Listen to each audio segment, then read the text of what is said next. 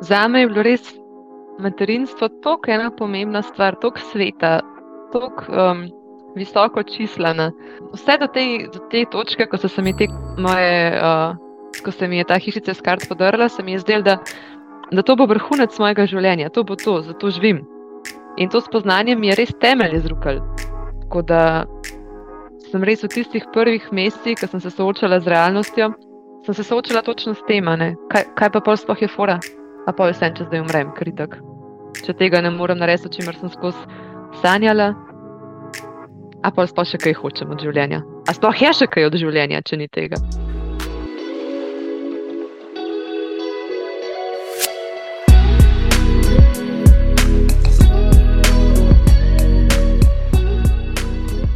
Hvala.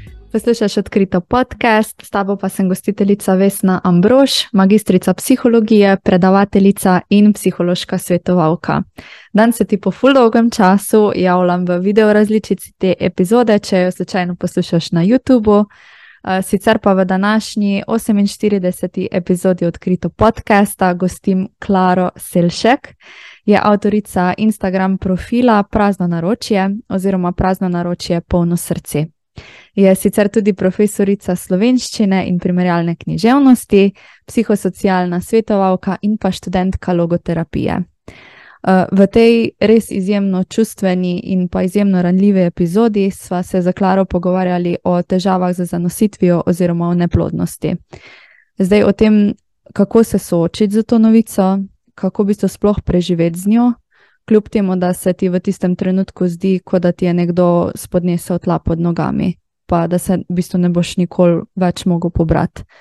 Pogovarjali so se o vprašanjih, o strahovih, o dvomih, ki se začnejo porajati v posamezniku, ki je seznanjen z novico o neplodnosti. Se pravi, vse od tega, ali ima življenje še sploh smisel, če ne bom nikoli mogla biti mama, oziroma nikoli ne bom mogla biti oče, pa vse do spraševanja, recimo, ali sem sploh ženska, če v pravem pomenu besede, če ne zmorem svoje osnovne funkcije. Uh, zajadrali smo pa tudi na področje partnerstva, se pravi, kaj se ob tej novici uh, zgodi z odnosom, pa tudi v bistvu, kako sporočiti o svoji nosečnosti nekomu bližnjemu, ki se sooča z neplodnostjo. To je samo uh, nekaj od teh tem, ki smo jih predelovali skozi epizodo. Preden pa te spustim v pogovor za Klaro, bi te pa kot vedno povabila k naročanju na ta podcast na bilo kateri platformi, kjer zdaj to poslušaš. Res v veliko, veliko pomoč so mi mnenja o epizodah in pa ocene podcasta, ker mi pomagajo potem ustvarjati te vsebine še naprej. Iz srca ti bom pa hvaležna tudi, če se odločiš screenshotati in pa podeliti poslušanje te epizode na Instagramu. Pri tem pa prosim, ne pozabi označiti na Afna odkrito podcast, da te lahko sploh najdem in pa podelim tudi na svojem profilu. Zdaj pa gremo k epizodi.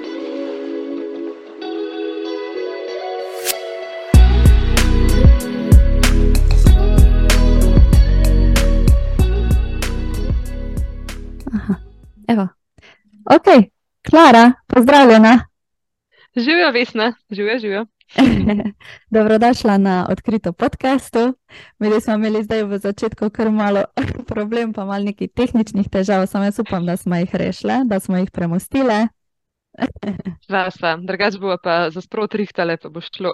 Točno to, mi smo profi, kar se tega tiče, zdaj se izkazuje. Tudi zum naj ne more ločiti, vse, vse preneseva. točno to, točno to. Da malo povej mi, mogoče za začetek, kako si pa iz kje se nam javljaš? uh, Dober sem. Uh, zdaj sem za mano ene par zelo pestrih tednov, ker sem imela vse čas obiske. Um, obiske sem imela pa zato, ker se javljam z Danske, kjer živim. Uh, in so zelo v poletnih časih meni prihajali domači malo pogledati, kako sem in kje sem, pa prijatelji, uh, kar je bilo res lepo in tako do neba sem hvaležna za vse te obiske, ampak so pa tudi naporni, ker si vse čas zelo intenzivno z ljudmi v takih de globokih debatah, v raziskovanju okolice in, in odnosov. Tako da um, ja, prihajam iz takih tednov, tako da sem mečko utrujena, pa hkrati zelo hvaležna. In kot sem rekla, javljam se iz Danske. um, iz otoka Fin, z mesta Odense, to je mesto od uh, Hansa Kristjana Andersena, kjer, uh, kjer živim zadnje leto in uh, ja, raziskujem danski huge v praksi. Je, A, jaz eh, pravilno razmišljam, se blaže ti tudi en čas vmes na nizozemskem ali imam napačno informacijo? Mm -mm, bila sem Nisi na nizozemskem, ampak samo ja. na obisku. Aha, samo na obisku, nisi tam živela nik časa. Ne, to pa ne. Aha, ok. Ej, lepo, kak je pa tam na Danskem, kaj se kaj dogaja posebnega? Uh, zdaj imamo pri nas lih festival od Hansa Kristina Andersena, sicer je v tem našem mestu vse v, um, v duhu Andersena, ampak zdaj imamo festival, tako da je full veliko uličnih umetnikov, uh, cirkusantov, glasbenikov, um, kakšnih uh, plesalcev, vse sorte, tako da če se malo po mestu sprahajaš, je tako tak pravlični festival. Andersen bi bil ponosen in vesel. Um, drugač pa zdaj v tem lepoletnem času je življenje na Danskem zelo pestro, ker so dolgi dnevi, dolge svetlo. Um, mm. Tudi poletje je bilo precej toplo, tudi za danske razmere, tako da so, smo na vsi pa veliko zunaj, uh, na travnikih, na um, vseh možnih in nemožnih druženjih izkoriščamo sonce in svetlobo, ker vemo, da bo obojga malo zmanjkalo. Tako ja. da si polnimo zaloge za zimo. Efele pa si to povedala. Jaz sem tudi ravno dan smela pogovor z nekom, pa sem rekla, ko smo se mal pritoževali nad tem, kako je vroče, ne? pa sem rekla, a ni fajn, naj bo čim bolj dolgo poletje, ker polko pride enkrat zima, pa hladno, sej tak, tok se vleče, a ne pol ti hladni meseci, da mm -hmm. si vedno želimo pol malo sončka, tako da moramo mm -hmm. zdaj ceniti to, kar imamo. Točen tako, evo, točen tako, se strinjam s tabo. Efele pa. Ok, te pa se mi da mogoče malo poglobimo v to, Klara, da bi se ti malo predstavila šola, se pravi, kdo si, s čim se ti ukvarjaš, tudi kaj rada počneš v prostem času. Skratka, da nam eno tako sliko rišeš o tem, kdo je Klara. Kdo je Klara? Okay. Um, ja, jaz se doživljam kot nekoga, ki ga zanima en, en bataljon stvari in mislim, da se pol to tudi v mojem življenju malo draža. Um, profesionalno sem primarno pedagoginja, potem sem kar precej let delala v pedagoškem sektorju, potem pa uh, sem se odločila še za študij kognitivno-vedenskega svetovanja, kjer sem pa našla še eno novo strast, ki me je pa potegnila naprej, tako da zdaj študiram logoterapijo. Um, sem specializantka, tako da tudi s klienti delam in vidim, da tukaj res uh, čutim eno močno poslanstvo in uh, da zelo rada delam to, kar zdaj študiram.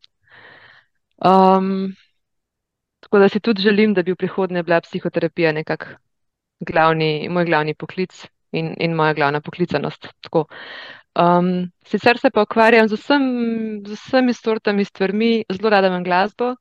Um, ukvarjala sem se s solo petjem, kitaro igram, rada kaj zapojem, rada kdaj kaj nastopam. Uh, predvsej sem pela po zborih, zdaj na Danskem sem en svoj zbor ustanovila, pa ga počasi uh, gradimo. Uh, ampak imam pa tudi rada šport, sploh kolo je tak moj, uh, moj najljubši športni pripomoček, kar mi na danskem zelo prav pride. uh, malo manj prav mi pride, da ni hriba odle, ker tudi, uh, tudi to je nekaj, kar me zelo srečuje, tako da pogrešam hribolazenje. Ampak naj, naj, najvišji vrh na Danskem je okoli 170 metrov visok, tako da Mm. To mi tlemo manjka. uh, ja, drugače pa zelo rada berem. Um, tudi moj prvi študij je bil študij um, uh, književnosti, literature, tako da tudi v tem najdem en velik, um, en velik del sebe. Rada tudi pišem. In v zadnjem času, ravno skozi pisanje, ustvarjam tudi uh, profil na Instagramu, ki sem ga pomenovala Prazno naročje, polno srce. Um, skozi katerega pa poskušam nekako svet pošiljati misli, uh, pa tudi informacije in tudi izkušnje, ki so pa vezane na težave pri zanositvi, na težave povezane z neplodnostjo, s praznim naročjem. Um, In hkrati s tem, da imaš lahko polno srce tudi ob tem. Tako da tudi to je en tak del, uh, ki opisuje moje življenje, se mi zdi. Mm. Lepo si se opisala, zelo polno. Zdaj se bom pa jaz res navezala na ta zadnji del, ne? zaradi česa smo mi dve tudi tukaj. Uh, najprej bi sem to povedala, tako preda začnemo s čimerkoli. Meni so take teme ful pomembne, ne tako temo, ko bomo tudi mi dve danes odprle. uh, je težka tema, je ena taka boleča tema, ko sploh ne veš, kako bi se lotil, kje bi začel. Jaz sem fulj vesela, da se o tem vedno več govori, pa da si tudi ti ena izmed tistih, ko res odpiraš en tak prostor, da se pri tebi na tem Instagramu, se mi zdi, da marsikaj nekako um, kažejo neke izkušnje drugih, a ne jih predstavljaš, predstavljaš svoje izkušnje. Res tak en čudovit, tak varen prostor odpiraš za vse, ki se s tem soočajo, uh, ali pa tudi, če se ne s tem soočajo, ne, pa poskušajo recimo nekako približati tudi svojim bližnjim, ki imajo s tem težave, da jim torej daješ uh, eno tako zatočišče, no, tako da to mi fulg pomeni pa res pohvaleno velike. Ej, hvala ti, si mi zelo pobožala srce zdaj. Edino pravilno, ker si res zaslužiš, no? ker to, mislim, full dobro profil je res. Tako da si pohvalovati v prvi vrsti, ko zdaj to poslušate. Um, Drugače pa ja, mogoče bi se uh, tega lotle, uh, da bi malo povedala, mogoče zaradi česa te je to področje tudi tako potegnilo. Zakaj mm. si se odločila, recimo, to področje tako preučevati? Pa... Uh -huh. Um, mislim, da najbolj močna sprožilna točka tukaj je bila osebna izkušnja, ki sem jo imela. Uh, ko sem se sama srečala s to bolečino praznega naročja, kako rada poimenujem uh, to tematiko, um, sem se zaradi različnih razlogov počutila res, res sama. Um, pa do neke mere danes vem, da je to normalno, ampak se mi je pa zdel že takrat mogoče sem jim malo svital, danes pa to zelo na glas mislim. Uh, da pa vseeno mi je pa manjkala ena, ena zunanja podpora, pa ena strokovna opora, ki pa ni bilo treba, da je ni bilo, ni, ni nujno, da si brez tega. Uh, in že takrat se spraš, sem se sprašvala, no, ker sem bila v takih zelo, zelo temnih letih svojega življenja, ker sem še čez res mogoče eno največjih preizkušenj um, do zdaj sem se sprašvala, pa je to normalno, da si tok sam, da si tok brez, uh, ne vem, vsake opore. In se mi zdi, da par let nazaj se je še vse en še malo manj govoril, kot se danes. Danes je ja, kar neki in profilov na socialnih omrežjih, in člankov, in knjig, in govora o, o tematiki vezani na neplodnost. Takrat pa ne vem, meni se ni zdelo, jaz sem sicer v, na tujih. Um, socialnih omrežjih malo zasledila, pa sem se tam tudi vključila v kakšne uh, kroge, no, ampak pri nas pa kar nekako nisem našla ali pa kaj pa vem.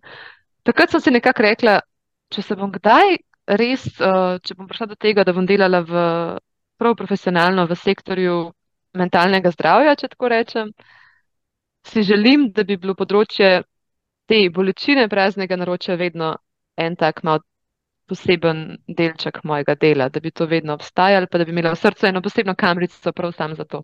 Tako da, ko sem res uh, zapeljala svoje življenje v to smer, sem um, tako za serijem pograbila to priložnost um, ja, um, in poskusila no, začeti, kaj pa vem, graditi en mali delček tega mozaika tudi sama.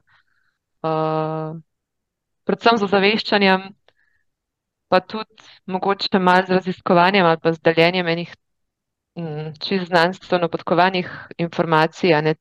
Se mi zdi, da uh, osebna izkušnja je velika, ampak vse sama veš, koliko tukaj zraven je pomemben uples tudi eno strokovno znanje, ki velikrat postavlja stvari v malo bolj širok kontekst. No? Tako da tudi, ja, tudi ta del mi je pomemben.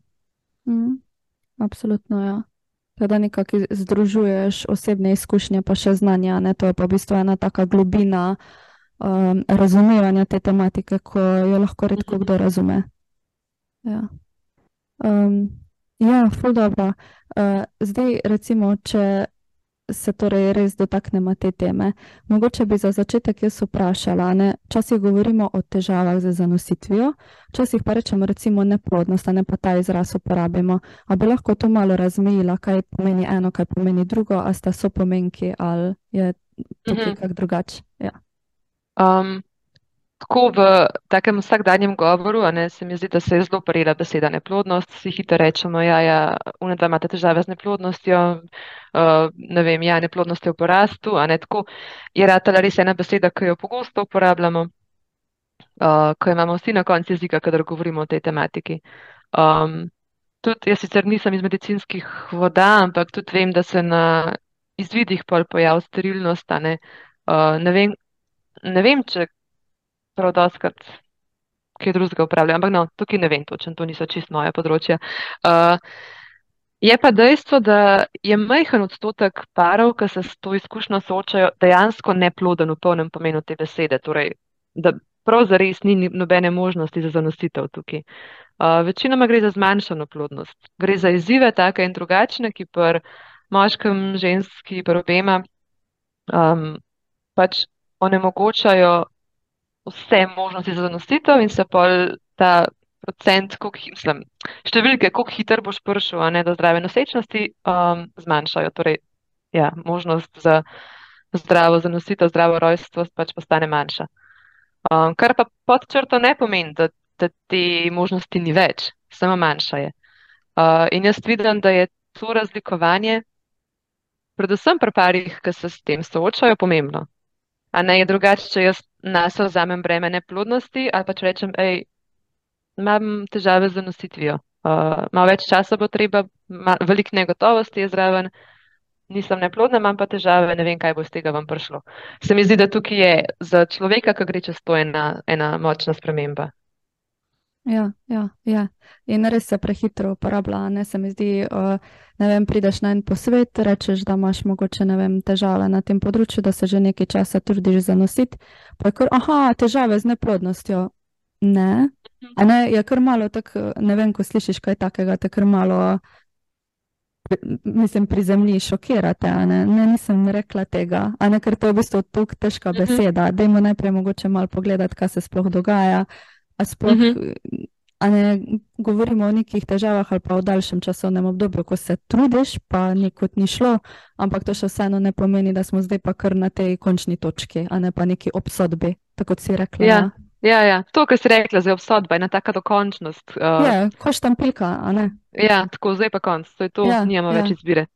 Tako. Um, ja, kar je v resnici tudi pri um, psihološkem boju, ki ga pač bojuješ v tej preizkušnji, ima eno zelo močno težo in naredi svojo spremembo. Ali, ali imaš ti občutek, da se itak boriš z enim mlinom na veter, ki pač brez veze, ker itak je že konc vsega upanja.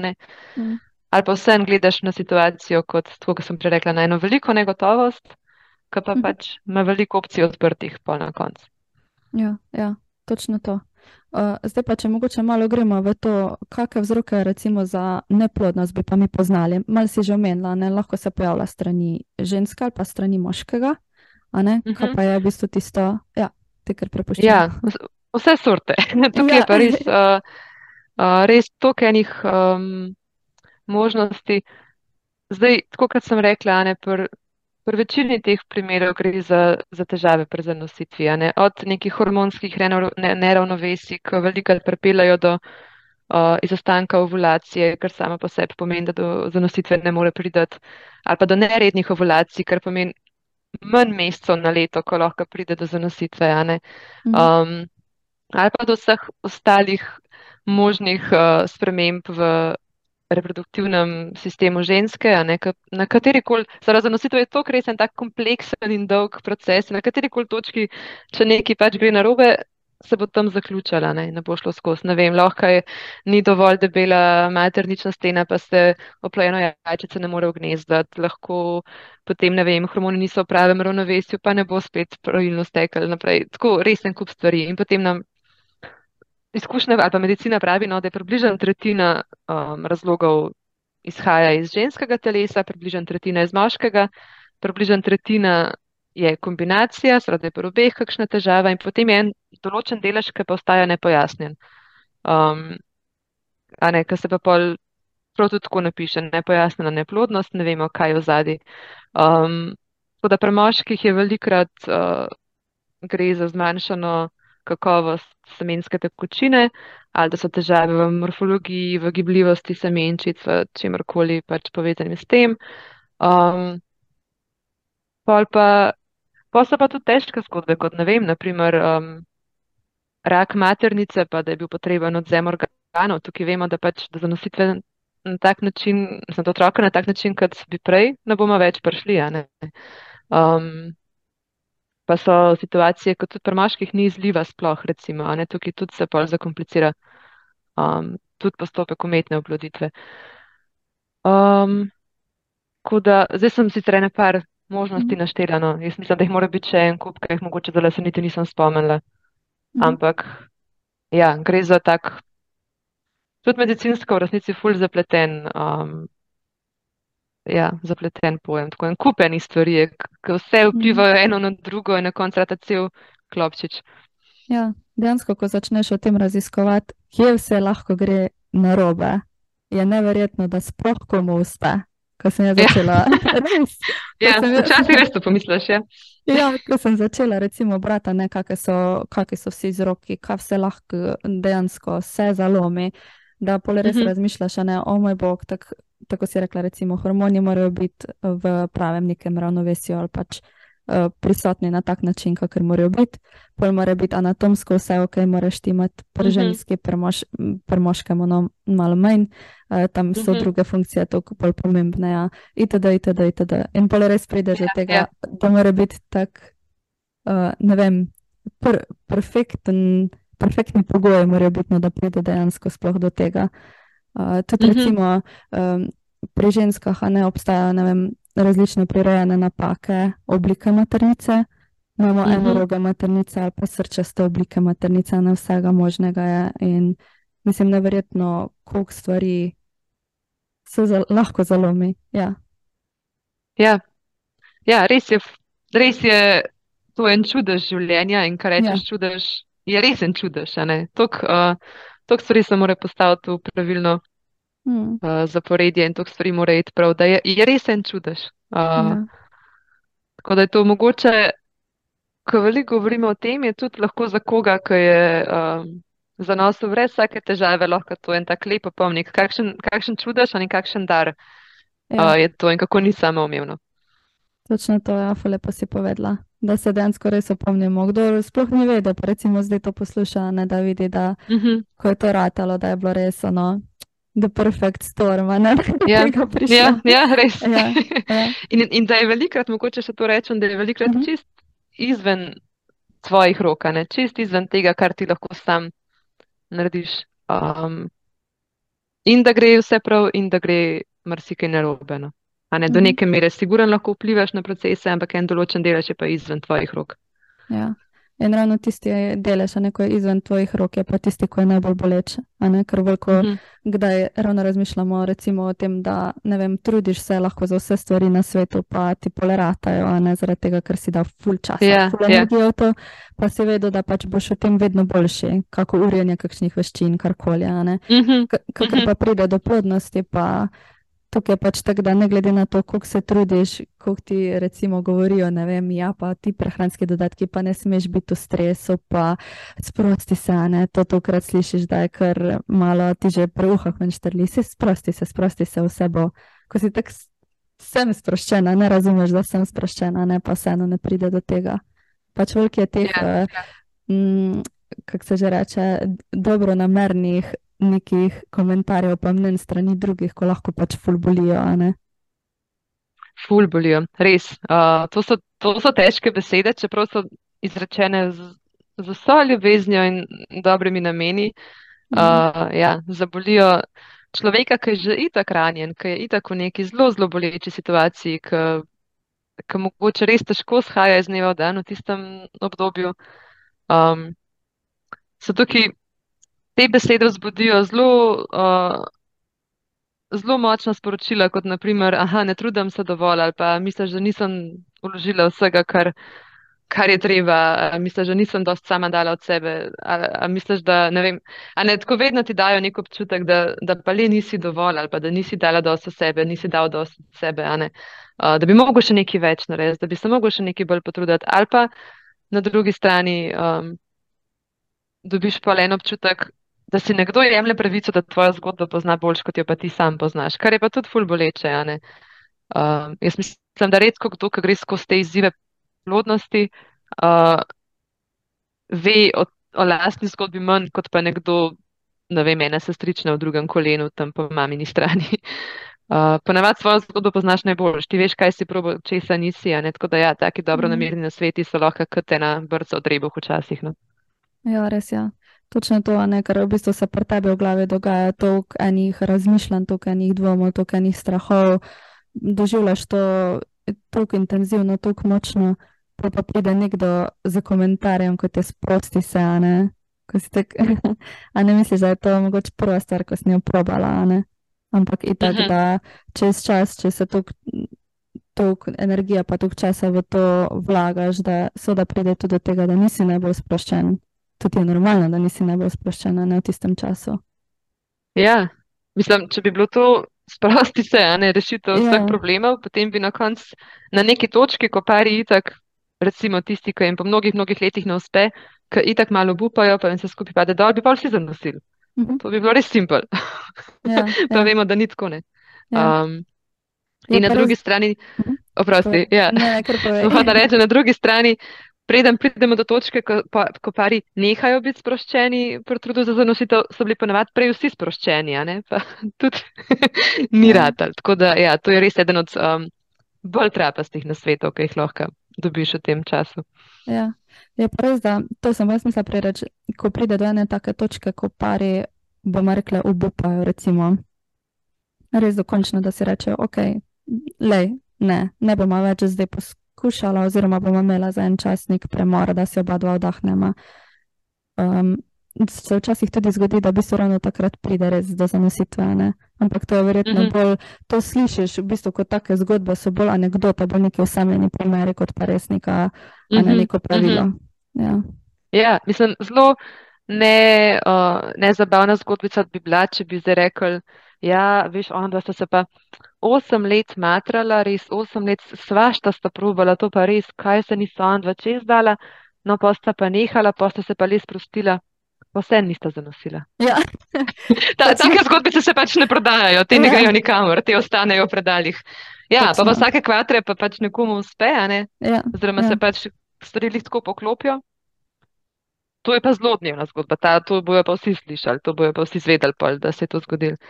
Um, dejstvo je, in tudi raziskave to kažejo, da tukaj stres ima, valjda, da ima svojo, um, svoj vpliv, uh, lahko spreminja tudi ravni hormonov, bolj, ko se zacikla še stres, bolj lahko to na ovulacijo vpliva. So itak, da so tukaj povezave. Um, ampak pri teh povezavah nič ne pomaga, če ti reče stara mama, ja, sprosti se, no, ne bo nič boljš. Uh, tako, tako da je. Točno to. Uh, zdaj, ti si ravno pred kratkim časom v bistvu končala z enim takim nizom objav svojega pisma izpred mnogih let na Instagramu. Uh -huh. Um, zdaj, bi mogoče lahko povedala malo o njegovi vsebini za vse tiste, ki ne vejo, o čem govorimo, zato ker je to res ena taka zelo dragocena zadeva. Jaz sem spremljala vsakič, ko si postala, sem rešila takoj prebrati, ker mi je bilo polnega, polnega zanimivo.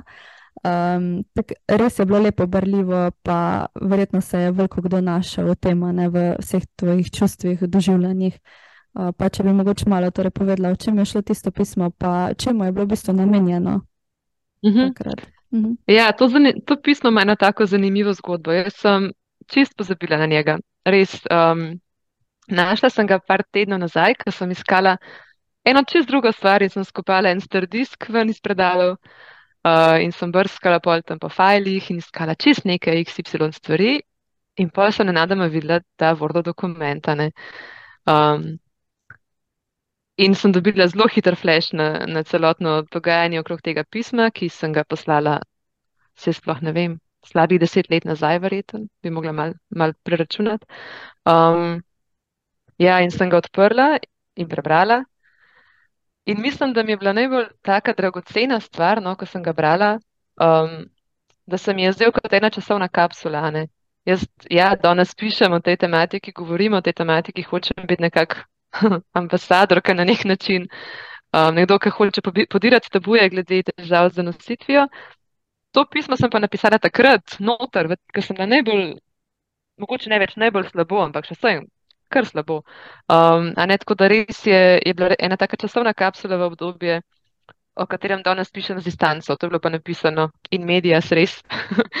um, Tako da to mi je bila že ena zanimiva stvar. In potem, ko sem ga prebrala, sem bila v resnici mal začudena sama nad sabo, koliko sem ene stvari dobro besedila že takrat. Ampak je res, da sem to napisala, um, ko sem že kar precej enega svojega časa in, in truda vlagala v raziskovanje, v branje, v, to, da sem poskušala razumeti, kaj se mi dogaja, zakaj se mi dogaja. Uh, gre pa za pismo, ki sem ga v tistem času napisala eni, eni uh, takratni prijateljici s katero smo se predtem v študentskih časih kar dosti družili, marsikaj skupaj počeli. Uh, potem pa približno istočasno, ko sem se jaz začela soočati z izzivi zanositve, je ona ta prvič zanosila. Um, in jaz sem bila v tistem svojem obdobju, res, ful so me boleli, um, ful so me bolele oznanitve nosečnosti, ful so me bolele vse informacije v zvezi z dojenčki, vsakeč z nami bo tak noš v srce. Um, in nisem znala tega pohendlati, res nisem mogla.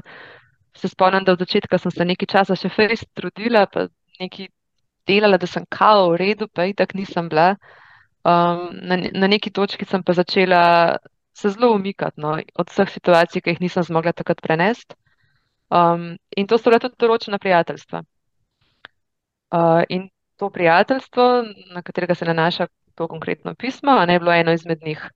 Uh, jaz sem se začela zelo umikati, po eni strani, tako kot v pismu, tudi malo napišem.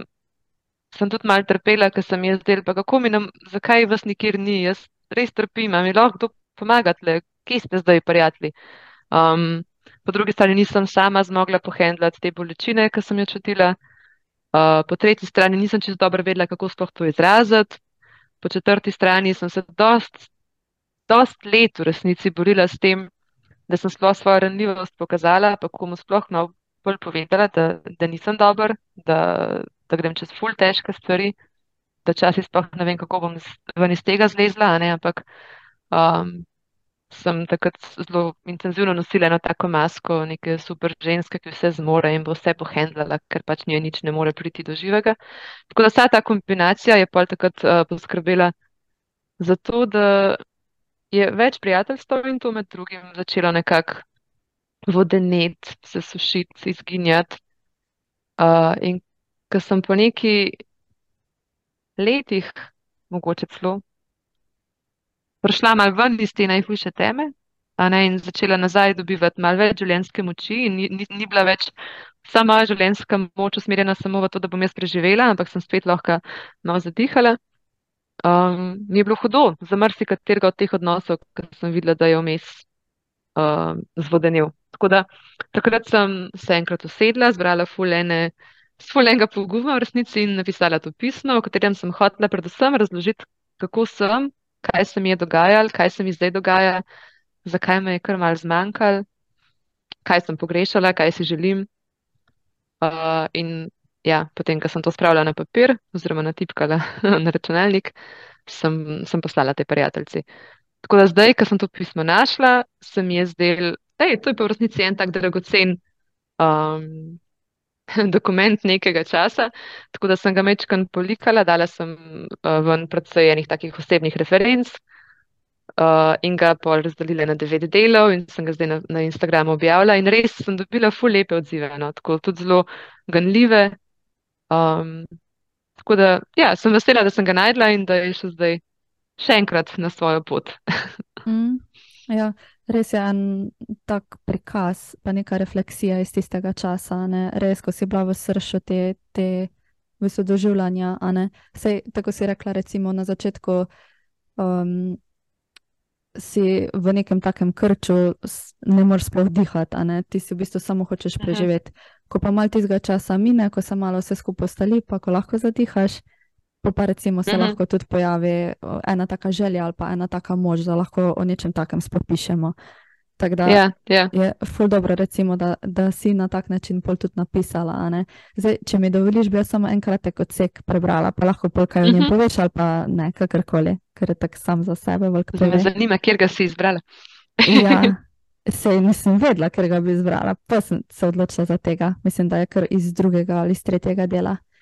E, zadnjih nekaj let je bilo za me kot vlakec smrti. Bila so obdobja z čudovitimi razgledi, vse naokoli, bilo pa je tudi nemalo obdobij, ki so bila primerna za rezanje žil, brez pretiravanja. v teh obdobjih sem spoznavala svoje najtemnejše plati, razmišljala o smislu in obupovala nad njim ter gledala, kako se pred mojimi očmi kot hišica iz kart sesuva prihodnost, o kateri sem sanjala 20 let. To mi je bil res, zdaj sem dala en tak res kratek izsek iz tega.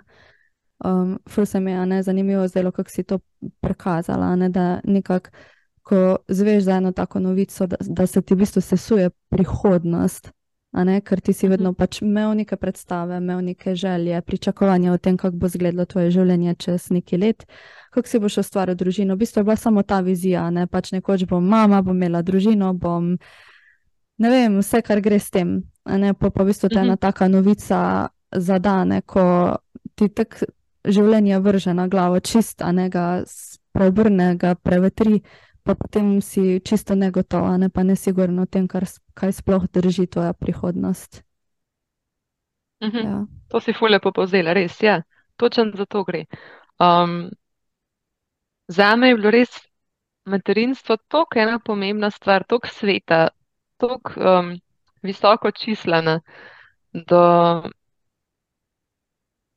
do, ne vem, vse do te, do te točke, ko so se mi te moje, uh, ko se mi je ta hišica s kart podrla, se mi je zdelo, da, da to bo vrhunec mojega življenja, to bo to, zato živim.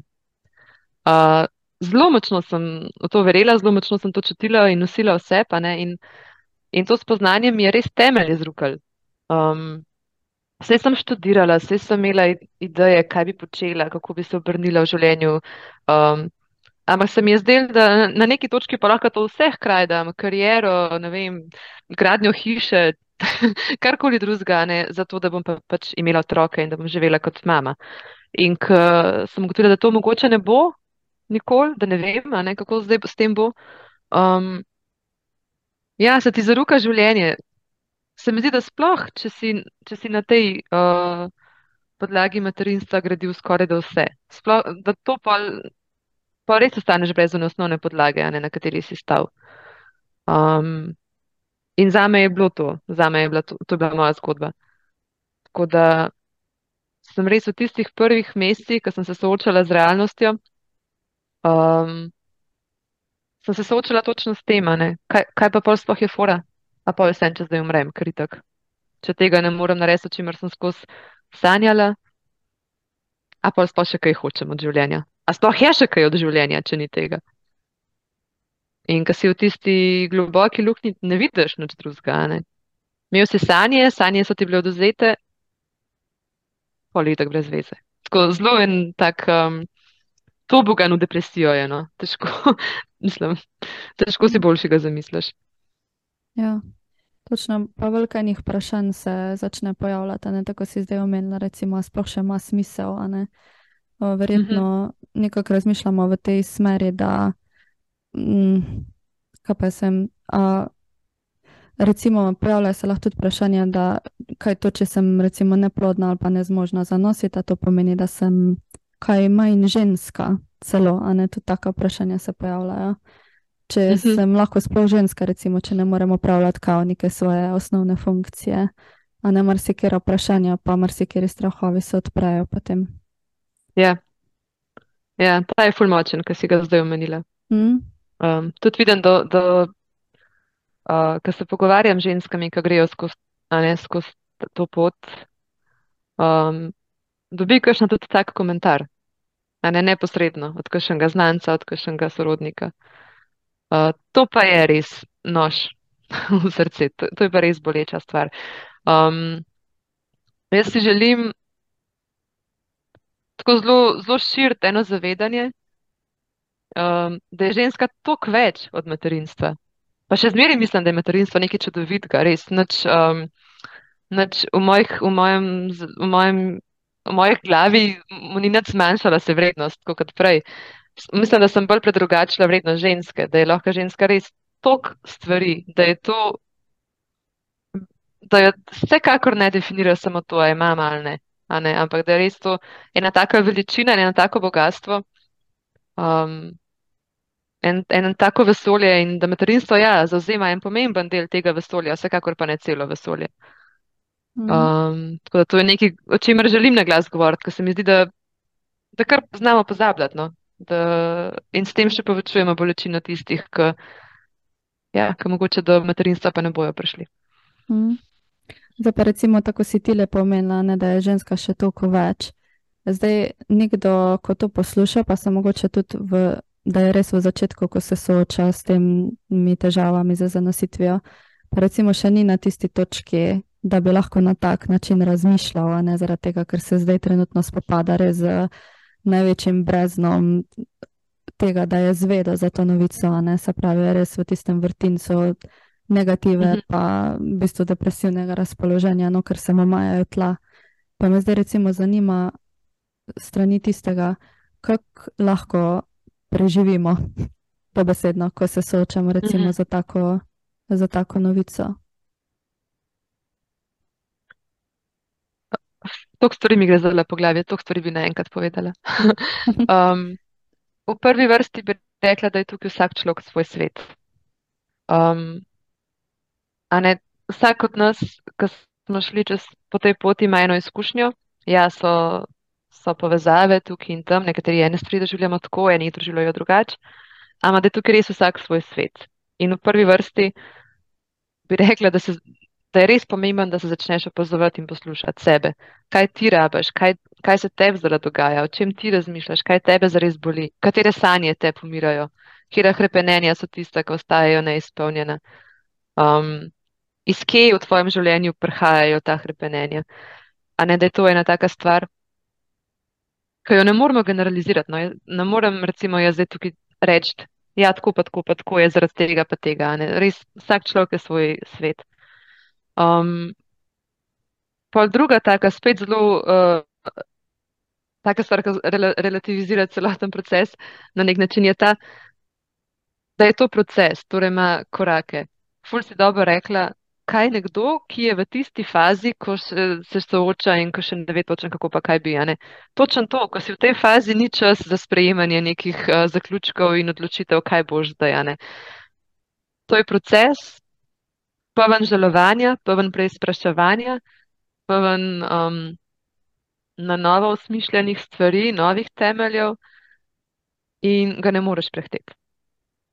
In jaz bi rekla, da na začetku tega procesa res ni čas, da boš zdaj iskal silver lining in da boš poskušal videti dobro o tem in biti, ne vem, hvaležen za izkušnjo in rast naprej. Se mi zdi, da je naravno tukaj, da prve faze so boj z vsem, z vso mašinerijo, ki jo imaš, da boš pač presegel to, kar se ti je zgodilo.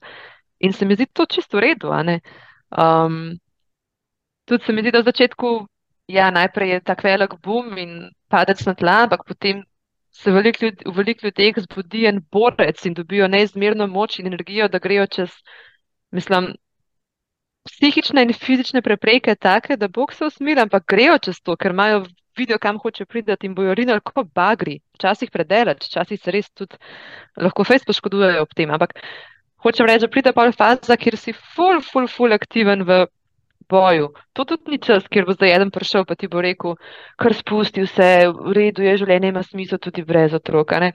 To ni plodna zemlja za te, uh, za te besede. In v resnici jaz vem, da marsikaj, kar danes govorim, če bi sama sebi to rekla v neki fazi, je po mojem bi se nagobat. Pač po mojem bi se posekala, res. ker bi se šla tok na živce. Um, Tako da, to, ne, mogoče rečem to, da je poišč nekaj, kar te zdaj odzvanja na pravi način, nekaj, kar ti dviga duha zdaj tam, kjer si. Če je to spodbuda za boj, je mogoče rabaš pa zdaj to. Če je to spodbuda, da malo spustiš, pa se odpočiješ, pa če čutiš, da, da to te podzvanja na dober način, ja, pa je pa to zdaj zate. Tako zelo pomemben se mi zdi, da se tukaj znamo poslušati no, in da najemljamo enih uh, generičnih nasvetov. Eh, absolutno za svoje in da jim pač čist sledimo. Ja, ja.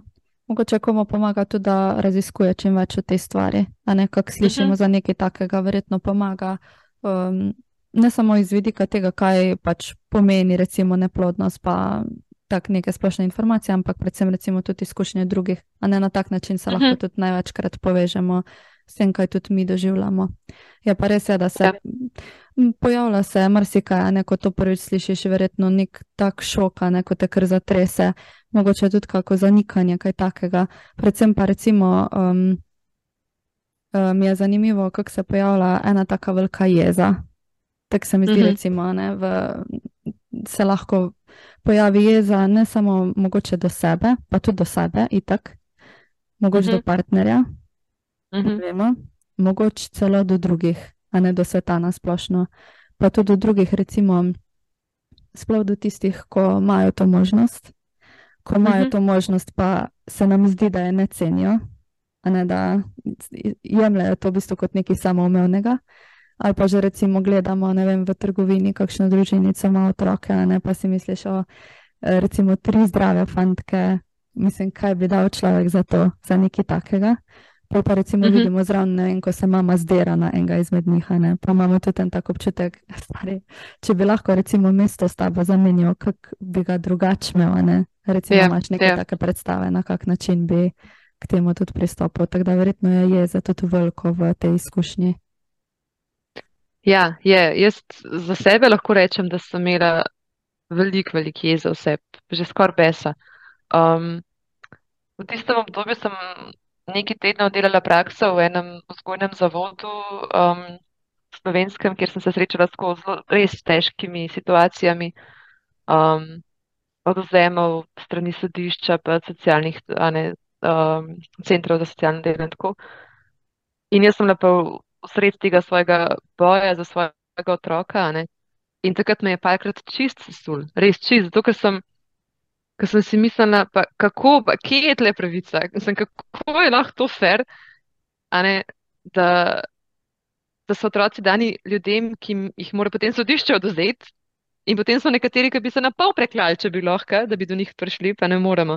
Prav bila je to ful močna izkušnja, ki me je res tako prav prizadela, me, no? te zgodbe so me res globoko, globoko prizadele. Um, ampak jaz mislim, danes, seveda, takrat ne vem točno, kaj bi mislila, ampak danes mislim, da res izhajajo iz enega našega prepričanja, da je, da je pravica ena ultimativna stvar, ki pač je v svetu in da je vse v skladu s pravičnostjo in da tako bi svet mogel biti, ne in polko ni. Um, je zdaj to kar nekaj narobe in je treba zrihtati. Pa v bistvu ni tako, ne. Pravičnost kot koncept smo si pač postavili ljudje, ker je ful lepš tako živeti. Še sami ga ne znamo zmeri uh, upoštevati, pa po njemu funkcionirati.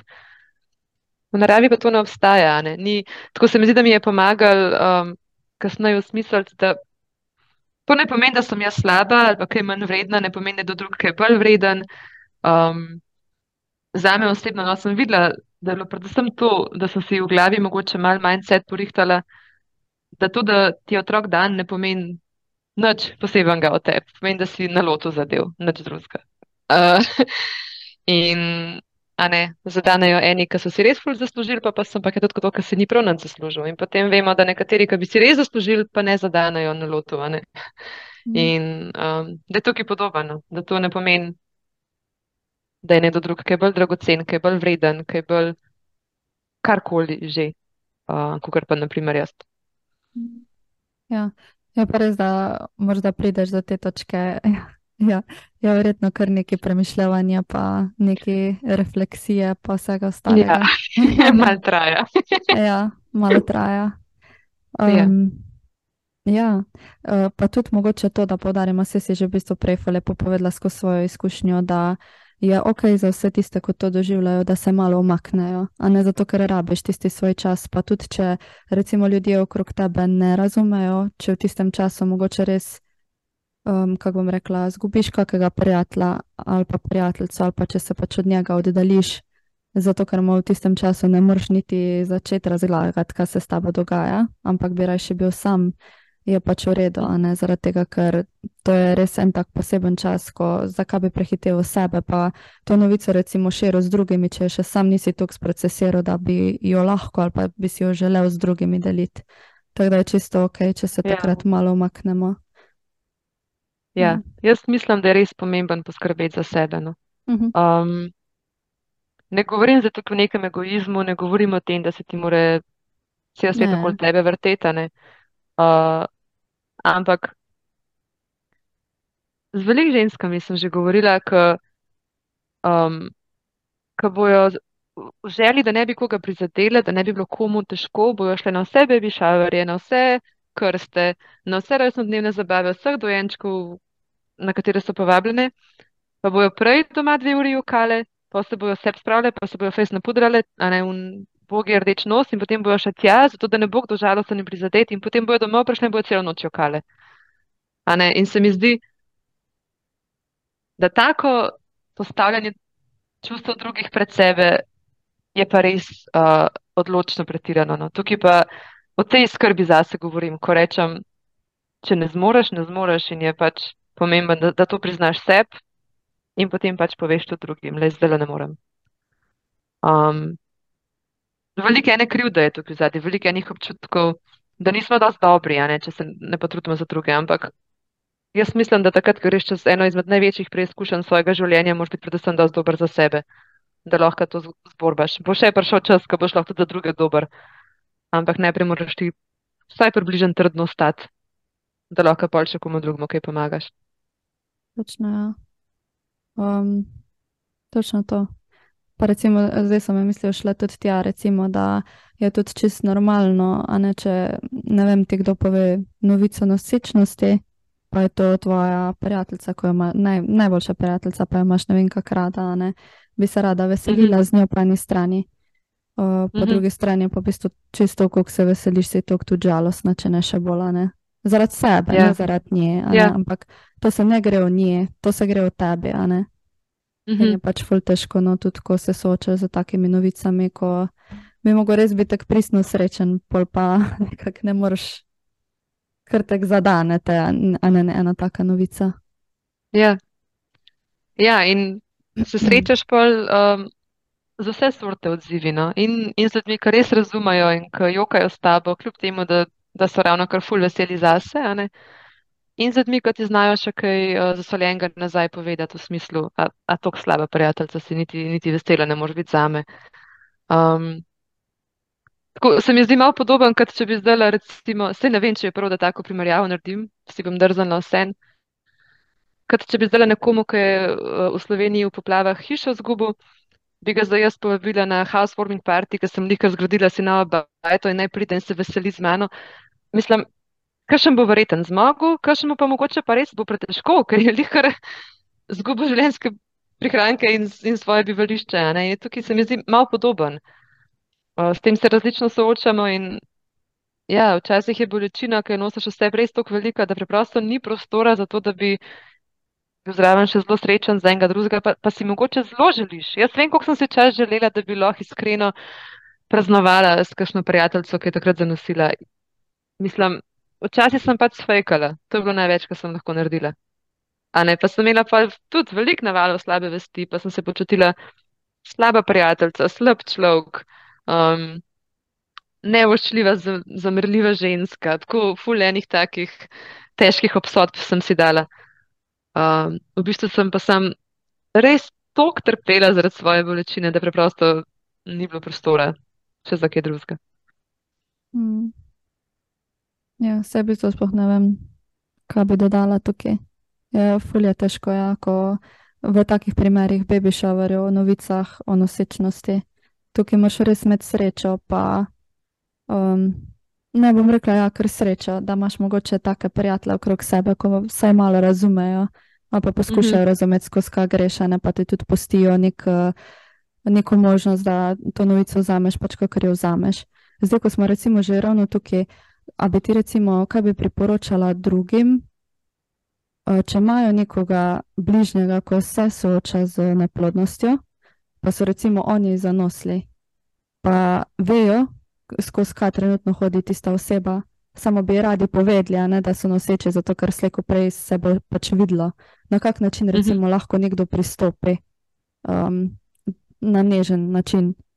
Ali Mhm. sploh ne pristopiti, ali ne vem. Ja, to je tricky question. Um, mogoče bi to rekla še no, kot eno za zaključek prejšnje teme, pa preden to začnem. Um, da smo si ful različni, a ne so kakšne ženske, ki se soočajo z neplodnostjo in grejo ful rade na baby shower, ker jim je ful dober, če že one tega ne morejo imeti uživati. Sem se pogovarjala s takimi in sem lahko, se me je kar dotaknil, ker v bistvu, ne, je bilo to tako daleč od moje izkušnje, sem si mislila, wow, tudi, ok, tudi to obstaja. In jaz poznam ženske, ki so vse dojenčke na svetu hotele naročiti vzeti, ker so rekli, če že svojega ne morem imeti, bom pa vse druge popestvala. Tako da tukaj je je treba imeti v mislih, da smo ful, ful različni. Ta zgodba, ki jo jaz opisujem kot osebno zgodbo, je samo moja zgodba, ena izmed tisočih.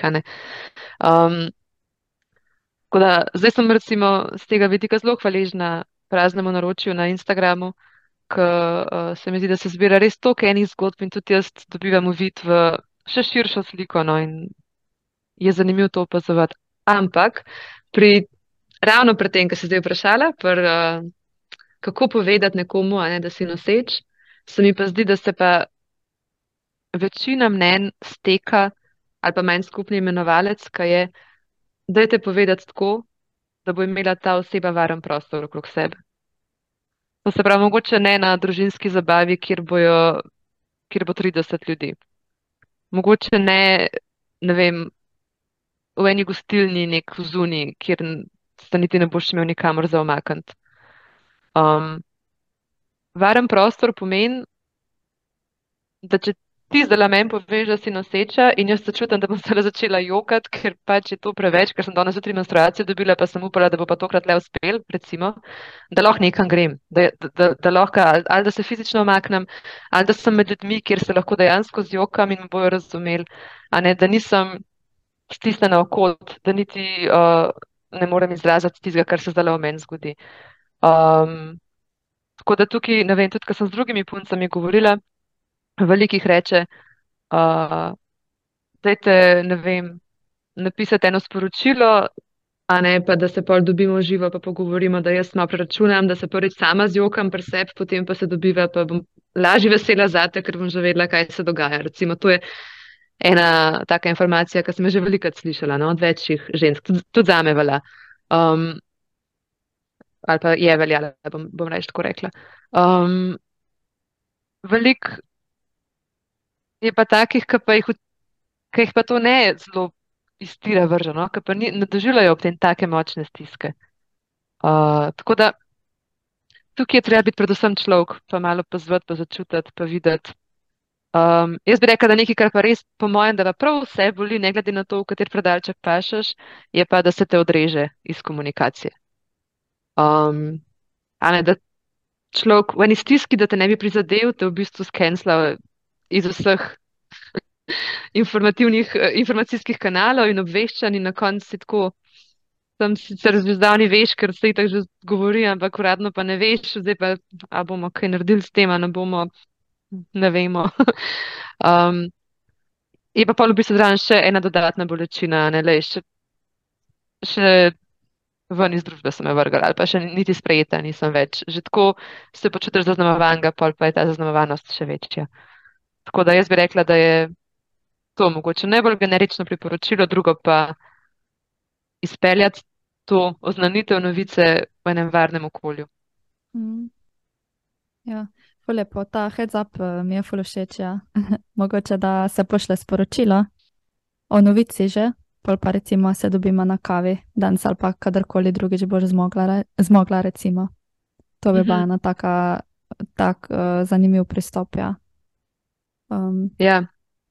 Pa mogoče zavedati se, da, da verjetno bojo solze in da bo bolečina, mhm. in da, da je to normalno in da ni treba zbežati pred tem, ni se treba omakniti.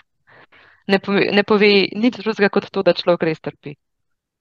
Um, Ja, ja, mogoče da ne, da že ob pošiljanju sporočila veš, da bo zabolel, ampak da tako pač je.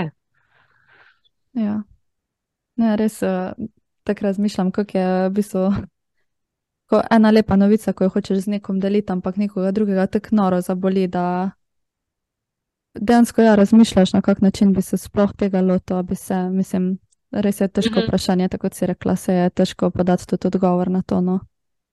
Ampak ja, najslabše je, da se ga odreže. Ja. Mm -hmm.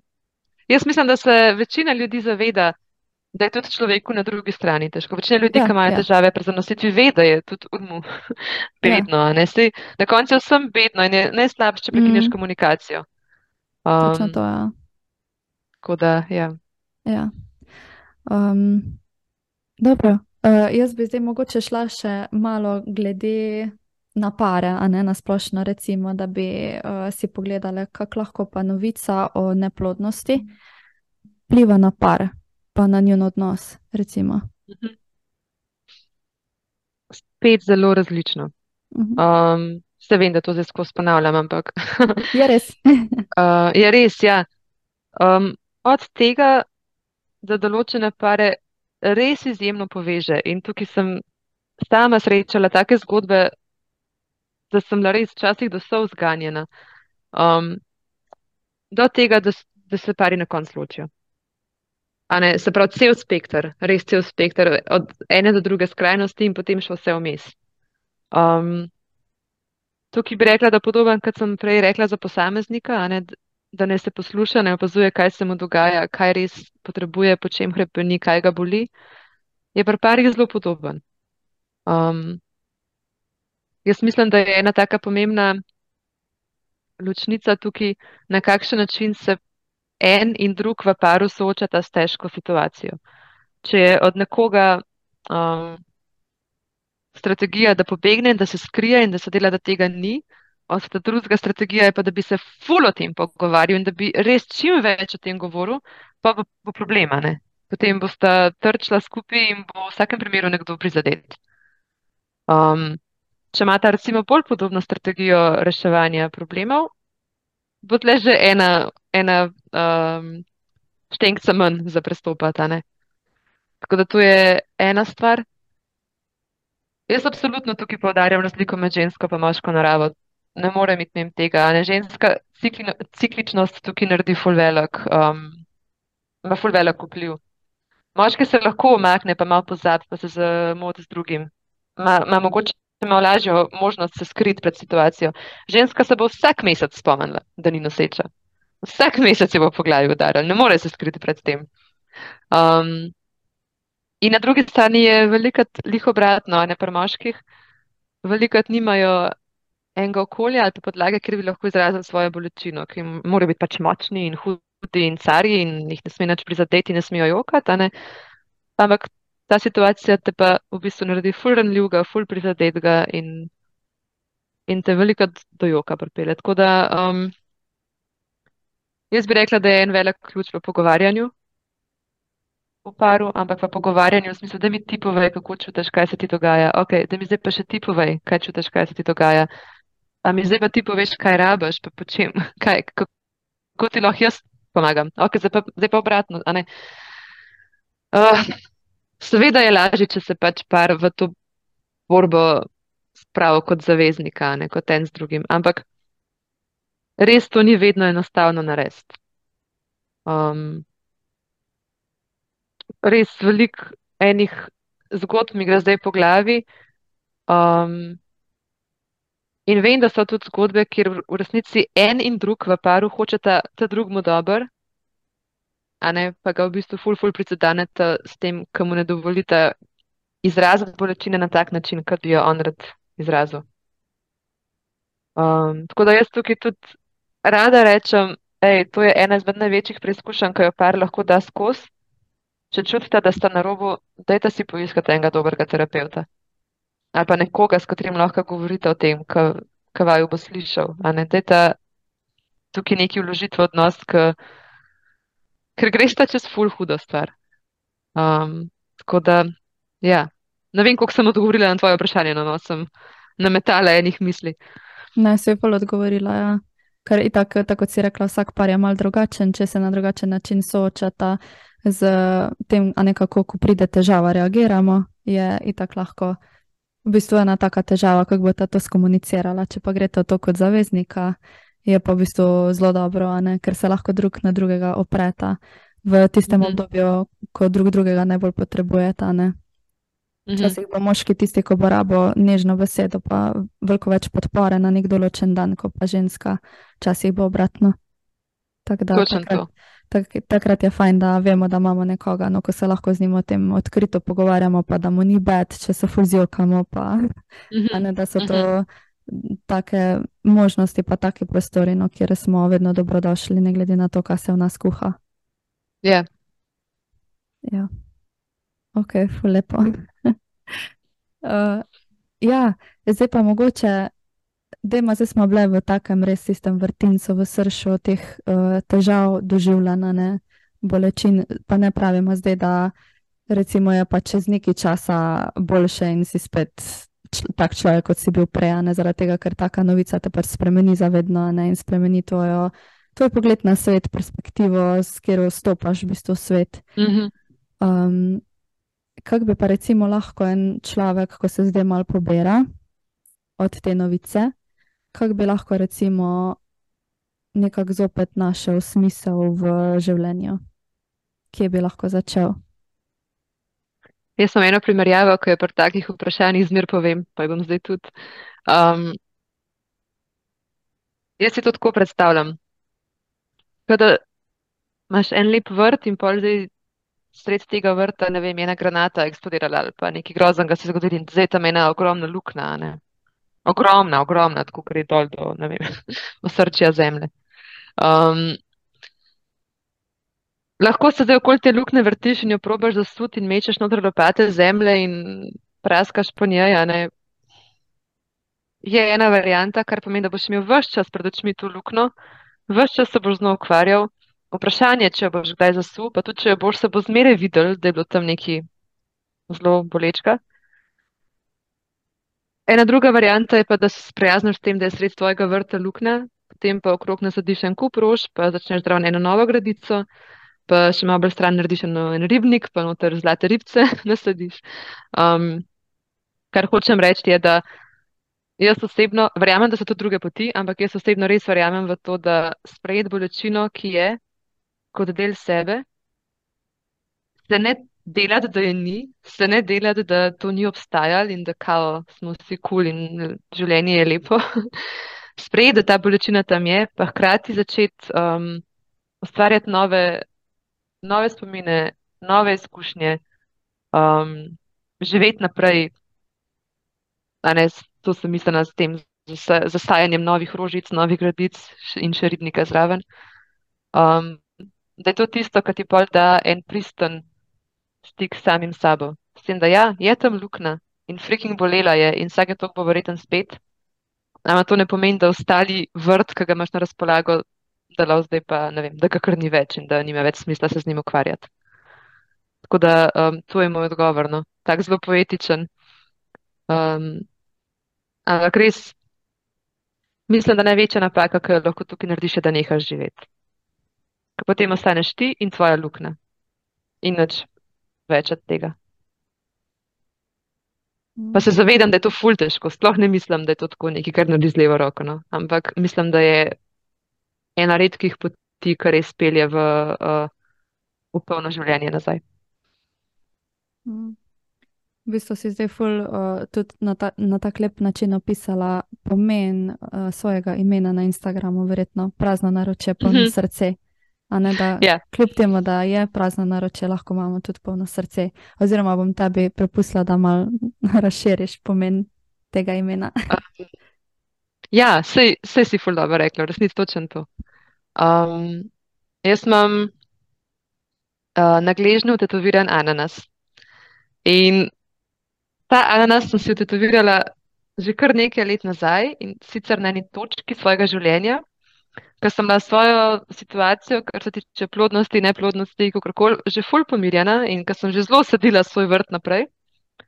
Uh, in sem si rekla, hej, ampak nikoli se pa nočem delati, da tega uh, poglavja z neplodnostjo in za vsem, kar sem dala čez, ni bilo. Hočem, da to vedno ostane del mene, ker me je to zaznamoval, to mi je dal, ful me je zlomil, ampak potem sem iz tega zgradila nekaj, na kar sem danes ful ponosna. In Hočem, da to vedno ostane del moje zgodbe. Tudi če bom enkrat imela otroke, tudi če bom imela pet otrok, ne vem.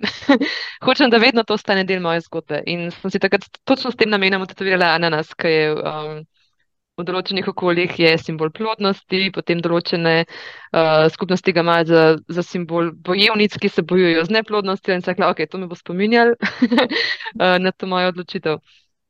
Tako da, um, ja, na podoben način tudi ime na Instagramu, prazno naročje, polno srce, v bistvu govori točno o tem.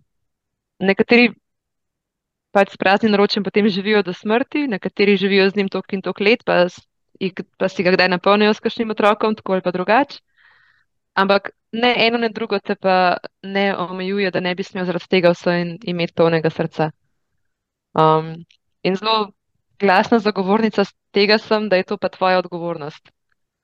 Um, da je to pa res na vsakem posamezniku, da s tem nekaj naredi. Um, in ja, vem, ful je težko. In časih ful boli, in časih se ti zdi, da ne bo šlo. Um, ampak vse en mislim, da se da. Lepo si povedala. Evo, in tukaj jaz mislim, da bomo tudi počasi zaključile. Uh, mogoče ti še prepustim, če bi imela kako zadnjo misel za nekoga, ko se s tem sooča, kaj bi mu rekla. Čeprav si že toliko povedala danes. Ful bi ga objela. Ful bi ga objela, pa z njim bi okala. mislim, da bi to naredila. Lepo. Uh, kje te lahko pa ljudje najdejo, se pravi na Instagramu imaš prazno naročje, a še kje, kje se lahko na te obrnejo, če bi želeli s tabo sodelovati, recimo? Um, kar se tiče tematik, ki so vezane na prazno naročje, je ta profil super istočnica, tam bom tudi videla sporočila, bom odgovorila. Um, kot da to. Ja, drugač pa, uh, če bi si kdo želel odpreti še kakšno drugo debato, ki ni vezana prav na prazno naročje, ampak mogoče bolj na polno srce, mi tudi lahko piše, sprejemam tudi taka sporočila.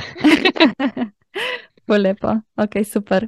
Klara, jaz bi se ti rada najlepše zahvalila, da si si vzela za danes čas. Res mi se zdi, da je bil to en tak ful pogovor, ful potreben pogovor za marsikoga. Um, in pa jaz mislim, da je ful fajno, da se o tem čim več govori da tudi ti puščaš prostor, pa možnost, da se ljudje na te obračajo z milijoni vprašanj, ko se jim dogaja v tem obdobju. Um, tako da res ti hvala no, za vso vsebino, za vso znanje, pa za vse izkušnje, ki jih deliš z nami vsemi.